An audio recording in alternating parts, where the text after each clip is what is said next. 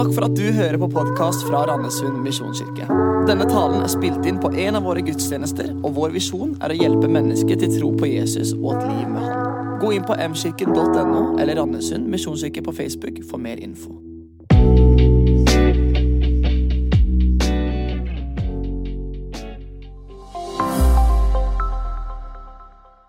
Dagens gjest hun eh, vokste opp i, eh, på bedehuset og i kirka. Hun sier sjøl at hun alltid har vært en kristen, eh, og sier at som barn så var hun veldig smart. Hun skjønte fort at i valget mellom himmelen eller helvete, så valgte hun himmelen. Og Så kom ungdomstida, og så ble dette med nåde litt vanskelig. Og redselen tok henne litt. For tenk hvis du ikke kom inn i himmelen, hva da? Når hun var ferdig med videregående, så reiste hun på bibelskole. Og det som kunne ha vært måte, starten på et nytt trosliv, gjorde at du etter etter på bibelskole kjente på manglende frelsestrygghet. Så hadde hun noen samtaler med en ung pastor som forandra livet hennes ganske radikalt.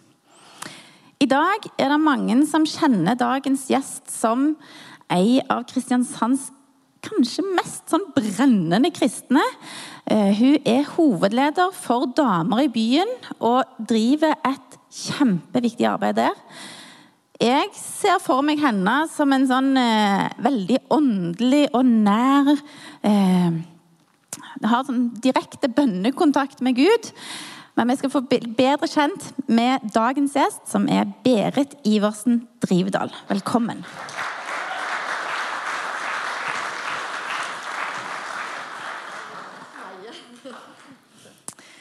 Skal sette oss i disse gode lenestolene her. Ja, Berit. Velkommen til oss. Og så må du si, hva var det som skjedde når du var 21 år og hadde disse samtalene med denne unge pastoren? Ja, Da var jeg iallfall superklar for å vite er jeg på vei til himmelen eller ikke. Det var, det var så banalt, faktisk. Jeg hadde jo en følelse at jeg er sikkert Guds barn, men jeg hadde faktisk en tvilstanker. For jeg, når jeg leste Bibelen, så leste jeg med de der domsbrillene. Jeg misforsto det meste som kunne misforstås, og følte ikke jeg kunne være trygg. Etter tre samtaler så sier denne pastoren du var i hard nød. For han prøvde alt han kunne å forklare opp og ned og i mente. Jeg hadde jo hørt alle bibelversene før, så jeg tror bare et motvers, og så, så hadde vi det gående. Så sa han jeg tror jeg må spørre Gud om han kan si deg noe direkte. Ja takk, svært gjerne kan du gjøre det, tror du. For da var jeg altså ja, det var bare et eller annet som Og da fikk han en profetisk hilsen, et budskap han opplevde Gud sa direkte som jeg opplevde Gud sa direkte gjennom han. Det var ikke noe så spektakulært. Det begynte med at det er mye is rundt hjertet ditt, Berit. Ja takk, det var jo hyggelig. Men det, det var ikke så farlig, for det, er neste setninga Men ikke bry deg så mye om det. Hold deg nær til meg, du er jenta mi. Og så vil jeg du skal fortelle andre om meg. Det var liksom det budskapet i korthet gikk ut på. Ikke noe sånn veldig voldsomt. Det var en ettermiddagsavtale på Stavnes sitt kontor. Men det gikk gjennom hele kroppen min. Det var som om mange kilo bare datt av. Endelig kunne jeg vite at jeg var Guds barn. Ikke fordi jeg var så god nok, det var mye is rundt hjertet, det var ikke alt som var så bra, men fordi at jeg hadde jo tatt imot Jesus. Han var i livet mitt. Og jeg flytta elegant identiteten fra meg sjøl til Jesus og var trygg og glad. Ja, det var utrolig bra. Så ganske sånn radikalt skille denne ettermiddagen fra liksom det å føre denne bønnen og denne profetiske hilsen. Ja, det, det gjorde utrolig mye med Og det var til og med sånn når han eh, så hvor jeg ble så glad. Tårene kom. og jeg ser du er så glad. Du, har du lyst til å takke i tunger? Og jeg, ja takk, full pakke. Kan jeg få det òg, takk? Liksom sånn. Det var, alt var liksom så For jeg følte meg ikke noe sånn åndelig, hvis jeg kan si det sånn. Jeg, jeg var veldig sånn Ja. Så det var det å, å takke i tunger, det var liksom sånn så ja. Så sa han bare kom deg hjem, ta sykkelen og kom deg hjem, og bare åpne opp munnen, så har du fått et nytt språk.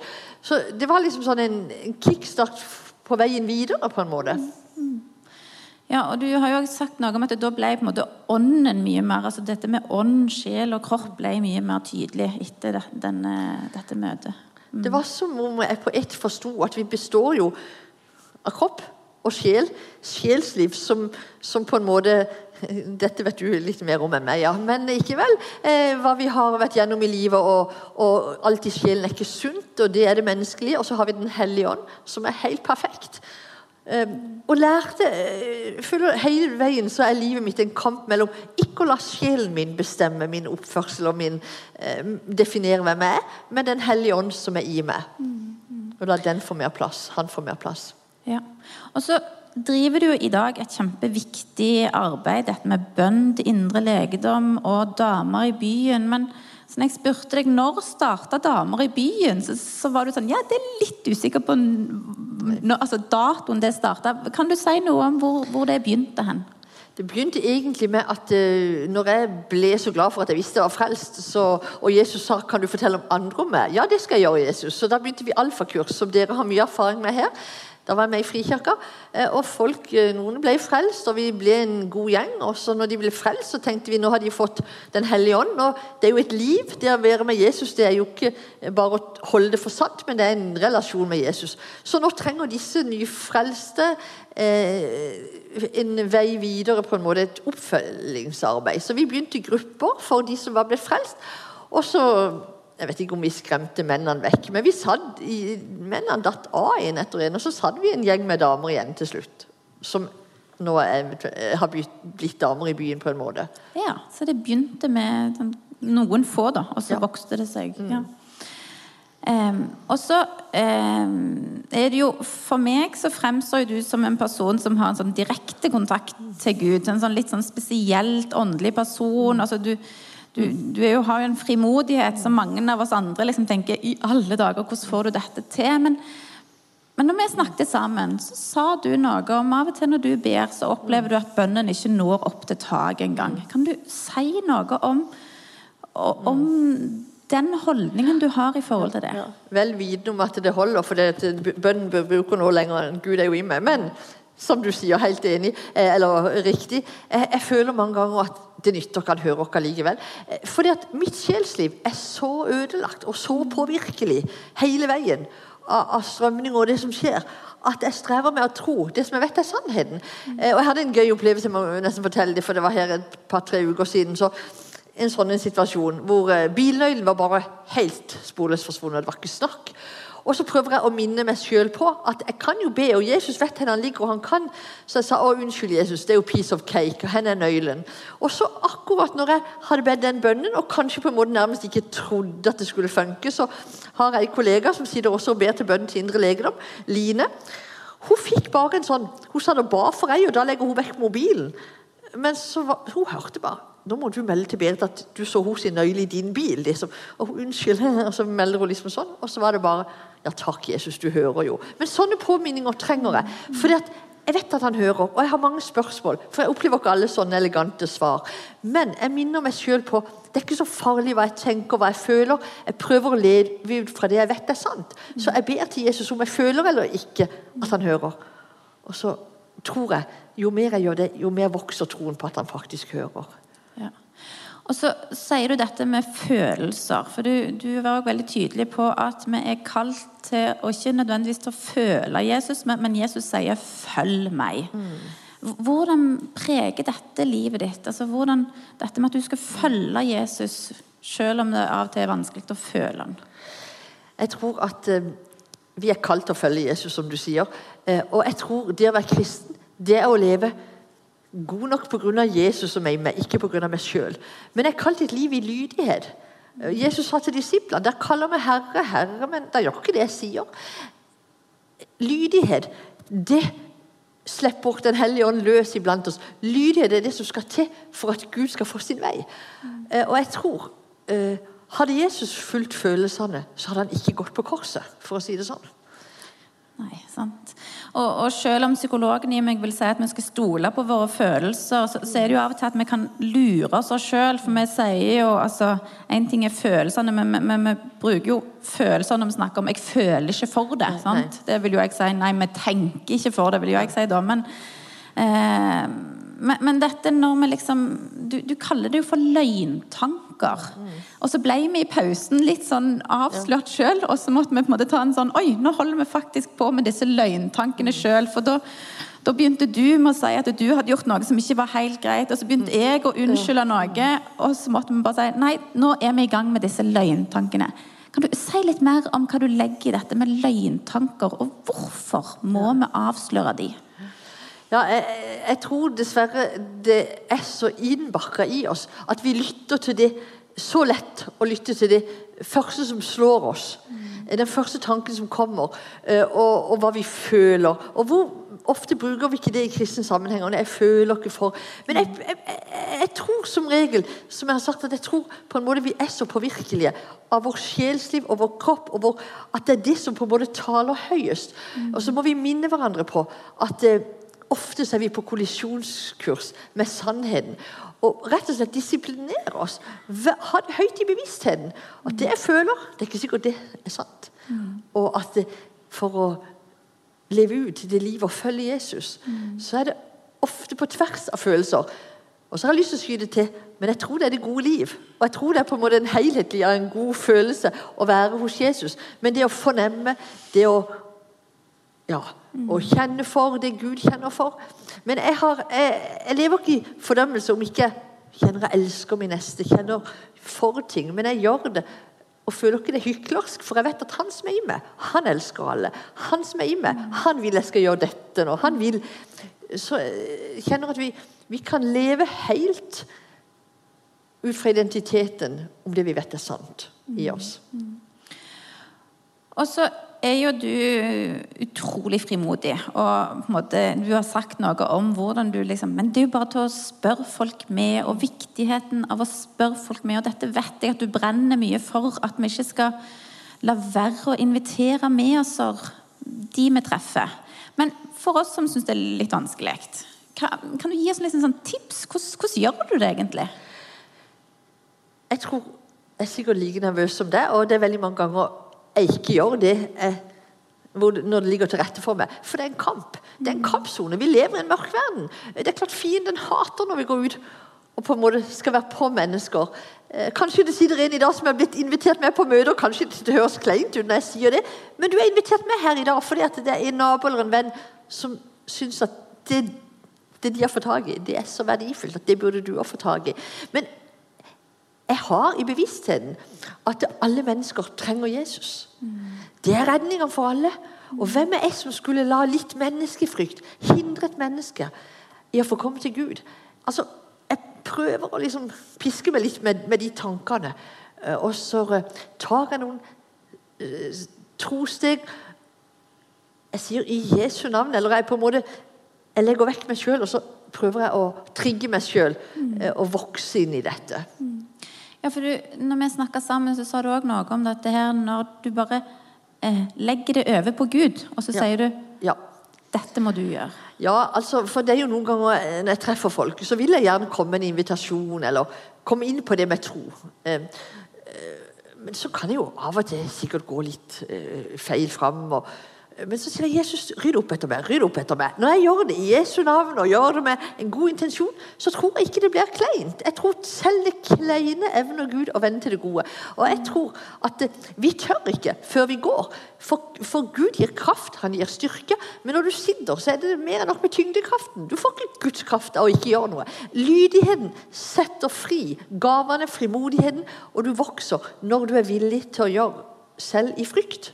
Jeg liker å sitere Joyce Meyer, som pleier å si når du, når du, vet du skal gjøre noe, gjør det. Selv om du er full av frykt. Ikke vent på at det skal gå over. Gjør det, selv med frykt. Og når du gjør det, og ikke lar frykten og følelsene være guden i livet ditt, så vil du få vekst i dette. Mm. Tusen takk, Berit. Du skal få lov å ha en, eh, dele enda mer med oss etterpå, men nå er det en sang og en liten filmsnutt. Tusen takk.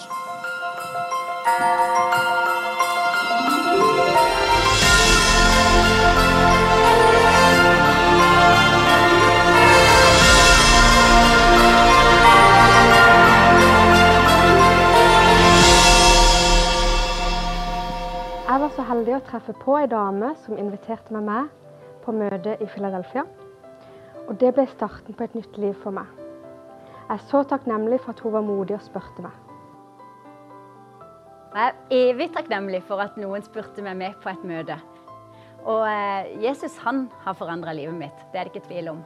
Og eh, veldig godt å ha et fellesskap hvor en får vokse i troa. Jeg har vært kristen nå i halvannet år. Eh, For halvannet år siden så var jeg veldig på søken. Og da fikk jeg en melding fra en venn om å komme på Damer i byen. Og det gjorde jeg. Og summen av alt førte til at jeg ble kristen, og det er jeg veldig takknemlig for. For nå har jeg det veldig bra. Jeg ble invitert med på et kristent møte, og det er jeg veldig takknemlig for. For da møtte jeg Jesus, og han har gjort en veldig stor forskjell i livet mitt.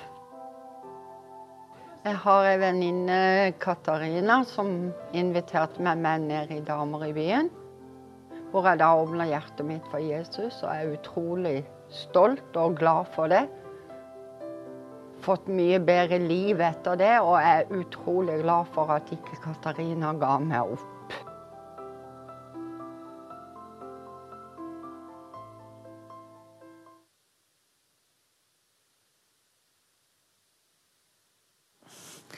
Ja, eh, hva var det som var så enormt med disse damene? For det, det er enormt, dette. Det er 14 damer, eller 13, eh, ikke sikker, som forteller at livet er helt forandra. Jeg kjenner vel egentlig alle av disse, og de vitner om en utrolig forskjell etter at Jesus kom inn. Hva er det som har ført til det? En enkel invitasjon. Og de som inviterte, var det som predikanter eller presser eller Nei, jeg tror ingen av de er det. Vanlig Kari og Per og Ola, som byr på en invitasjon, har forandra livet til mange mennesker. Joyce Meyer, nei, ikke Joyce Myers igjen, men uh, sammen med uh, Rachel Hickson. Hun sa en gang 'Little keys can open big doors'. Det lille kan bety den enorme forskjellen. Gud har valgt å ta bolig i oss. Han har ikke, Den hellige ånd har ikke en munn, har ikke en kropp. Han trenger oss. Risikabelt prosjekt, spør du meg, altså, at, hvordan Gud har gjort det på den måten, men han har nå en gang valgt å gjøre det gjennom oss. Vi er på en måte ikke noe annet enn et redskap, men vi er et redskap. Hvis vi leser Bibelen, så ser vi at Bibelen er full av historier på at overnaturlige ting skjer, men det er banale samarbeid mellom mennesker og Gud. Det mest banale jeg kan tenke, er vel kanskje Lasarus som ble, Lazarus, som ble vekt opp fra døden. Hva er det som skjer? Jo, Jesus kommer. Og ikke vel, Vi kjenner historien at han sier 'kom ut', og Lasarus står opp fra død til liv. og Det er jo helt vanvittig, og det er Jesus som taler det ut. Men hva skjer rett før? Jo, Jesus sier til de som sto foran, 'rull vekk steinen'. Det var måtte mannekraft til å rulle vekk steinen. Kunne han ikke bare sagt Jesu navn, stein, flytt deg, kom ut'? Nei, han gjorde ikke det. Det er et eller annet der med det samarbeidet.